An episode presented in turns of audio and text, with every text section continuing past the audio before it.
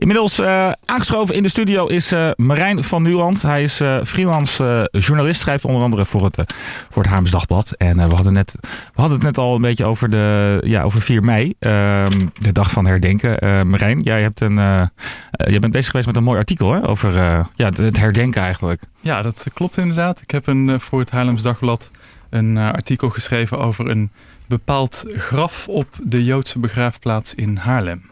Ja, uh, dat is een uh, familie die, uh, die zelfmoord heeft gepleegd. Ja, dat klopt. Ja, um, en ze ligt dus inderdaad begraven in, in Haarlem. Hoe, hoe ben je op dit verhaal terechtgekomen? Ja, ik, ik woon sinds een aantal jaar in Haarlem-Oost.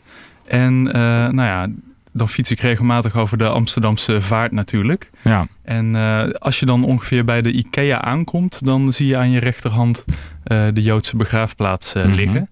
En dat heeft zo'n hele mooie kenmerkende Davidster. Hè, die, en ja, ik, ben, ik was altijd al wel benieuwd wat daar dan precies achter die hekken gebeurde. Ja. Dus ik ben daar eens binnengelopen. Dat, dat kan zomaar en dat raad ik ook iedereen aan.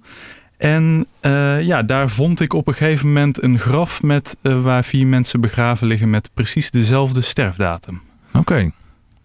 Ja, dan vraag je je natuurlijk af hoe, hoe dat kan. Ja, precies. Ja. ja. en die sterfdatum die is, die is 15 mei 1940. En dan ja, voor iedereen die een beetje de vaderlandse geschiedenis kent, uh, moet dat wel een belletje doen rinkelen. Dat is namelijk de dag waarop Nederland capituleerde voor de Duitsers. Nou. En uh, nou, ik vond het zo'n opmerkelijk gegeven dat ik dacht, uh, daar moet ik uh, iets meer van weten. En wat, wat ben je nu te weten? Je, je bent toen op onderzoek uitgegaan. Wat ben je te weten gekomen achter, over die vier mensen die daar ja. begraven liggen? Ja, daar, daar bleek dus een behoorlijk triest verhaal achter schuil te gaan. Hè? Dat, dat zei je net ook al. Zij hebben zelfmoord gepleegd. En ja, ik ben eigenlijk erachter aangegaan wat, ja, wat voor familie dat precies was. Ja. En uh, toen kwam ik erachter dat dat ging om eh, Albert Bendix samen met zijn familieleden. En dat die in 1939 vanuit Duitsland naar Nederland zijn gevlucht, gevlucht voor, de, voor de nazi's. En ja, zij hebben heel lang in, of in Zandvoort gewacht op een visum voor de Verenigde Staten. Ja. Omdat zij dachten dat ze alleen aan de overkant van de Atlantische Oceaan echt veilig zouden zijn voor de Duitsers. Maar dat, dat visum is niet meer op tijd gekomen. Dus uh, uh, uiteindelijk uh, vielen de Duitsers ons land binnen. En toen, ja, toen hebben ze de hand aan zichzelf geslagen. Ja, en, en hoe, ben je, hoe, hoe, hoe ben je te werk gegaan? Hoe, wat, zijn, zijn er veel archieven waar je, dan, waar je dan in kan duiken? Of ben je ook gewoon echt uh, op pad geweest? Want ze, ja. ze, ze, zijn ook in Duitsland, daar komen ze vandaan, toch? Uh, ja, precies. Ja. Ze kwamen uit Keulen en uh, ja, de, daar ben ik allemaal achter gekomen door te beginnen gewoon bij die namen die op die grafsteen staan. En ja, toen heb ik op die manier de, de stamboom uitgeplozen. En ja, wat bleek, een deel van de familie was nog wel in leven. Oké. Uh, want er was namelijk ook een, uh, ja, een tak van de familie heeft het wel op tijd naar de Verenigde Staten uh, gehaald. Ja. dus nog voordat de Duitsers kwamen. En ja, daar heb ik contact mee opgenomen. En op die manier heb ik veel informatie verkregen. Oké. Okay. Ja. En heb ik begrepen dat, uh, dat, dat, uh, dat Albert, uh, dat hij dus ook allemaal, allemaal brieven schreef naar de, naar de Verenigde Staten. Um, en nu heb je ook een van die brieven bij je. Ja. Zou je er iets van willen voorlezen? Ja, zeker. Het, is, ja, het interessante is vooral ja? dat je ziet hoe het, hoe het verandert in de loop van de tijd. Hè, wat hij in die brieven schrijft. Dus in, in maart 1940 schrijft hij naar de Verenigde Staten... Uh, nog enigszins optimistisch. Ik verheug me erop dat het voorjaar wordt en dat de verwarming eindelijk lager kan. En in de strandtenten hier in Zandvoort begint men langzaam alweer te werken. Maar ik hoop dat we de heropening van dat strandseizoen hier niet meer mee gaan maken. Met andere woorden, ik hoop dat we tegen die tijd eindelijk in de Verenigde Staten ja. zijn.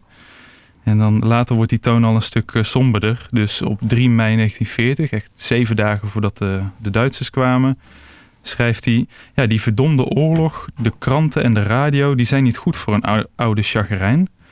Als, ik een paar slechte, als er een paar slechte berichten komen... Uh, dan schwiemen sofort alle felle week, zegt hij. Dan verlies ik alle hoop.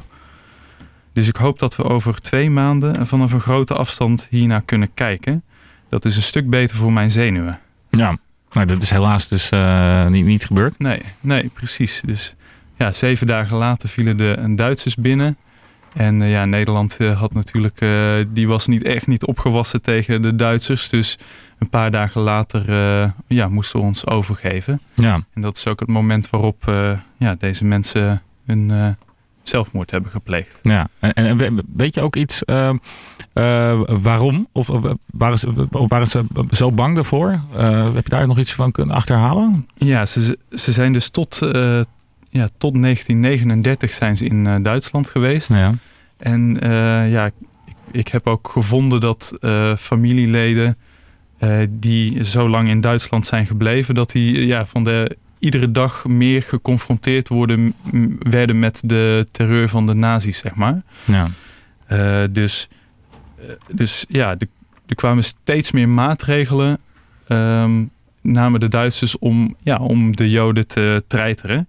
Zo, zo mocht bijvoorbeeld het neefje van, uh, van Albert, die wilde zijn dochter, uh, zijn nieuwgeboren dochter aangeven bij de burgerlijke stand. En hij wilde haar, zijn dochter graag uh, Ursula noemen.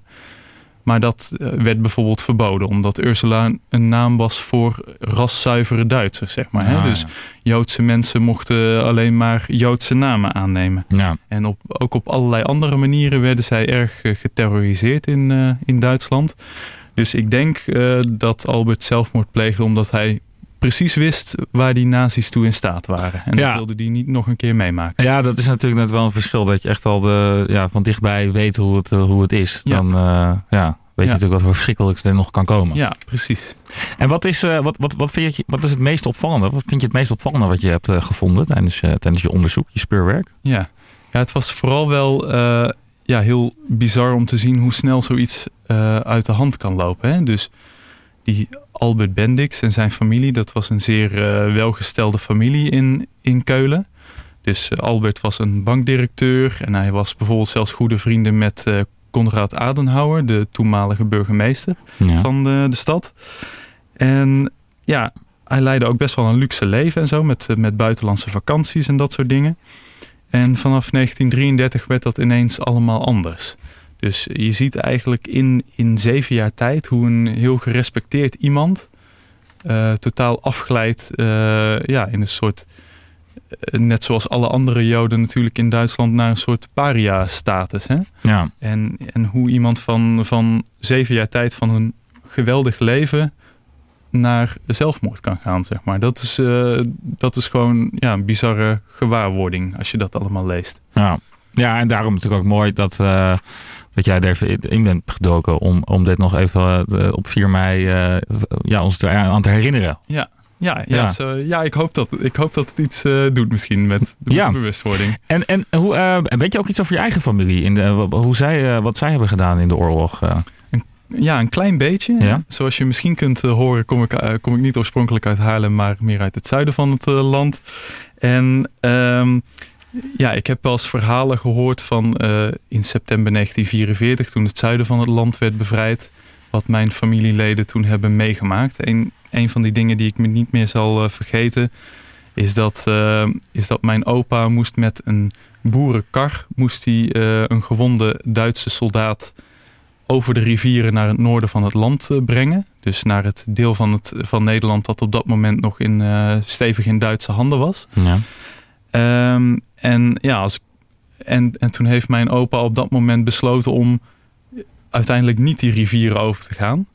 Uh, om, omdat hij bang was dat hij niet meer terug zou kunnen komen naar bevrijd gebied en naar zijn eigen familie. Oh ja. Dus ik, dat, dat is een van die familieverhalen die ik, uh, die ik regelmatig nog hoor van mijn, uh, van mijn eigen ouders. Ja.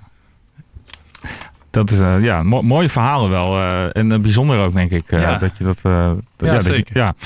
Hey, um, aankomende zaterdag, hè, dan komt het, wordt het gepubliceerd in het, in het Haarlems Dagblad. Ja. Um, uh, ik heb het al even al gelezen. Staan er ook nog foto's bij? Mooie foto's uh, van, van bijvoorbeeld de begraafplaats? Of, uh... Ja, dat is goed dat je het zegt. Ja. Het was ontzettend. ik heb vrij veel documenten kunnen vinden, maar het was ontzettend lastig om goede foto's te vinden van Albert Bendix en zijn familie. Mm -hmm. dus, ik, dus ik heb er uiteindelijk eentje kunnen vinden die nog enigszins zuiver is. Dus de rest zal inderdaad worden opgevuld met mooie foto's van de begraafplaats in Haarlem. Oké. Hey, dankjewel uh, Marijn. Mooi verhaal. En ja, wel een trieste afloop. Maar uh, goed om ja, ons daar weer even aan, aan, te herinneren. En zeker op, op 4 mei. Dankjewel voor je komst naar de studio. Yes, geen probleem. En ehm, ja, hopelijk tot een volgende keer hier in de studio.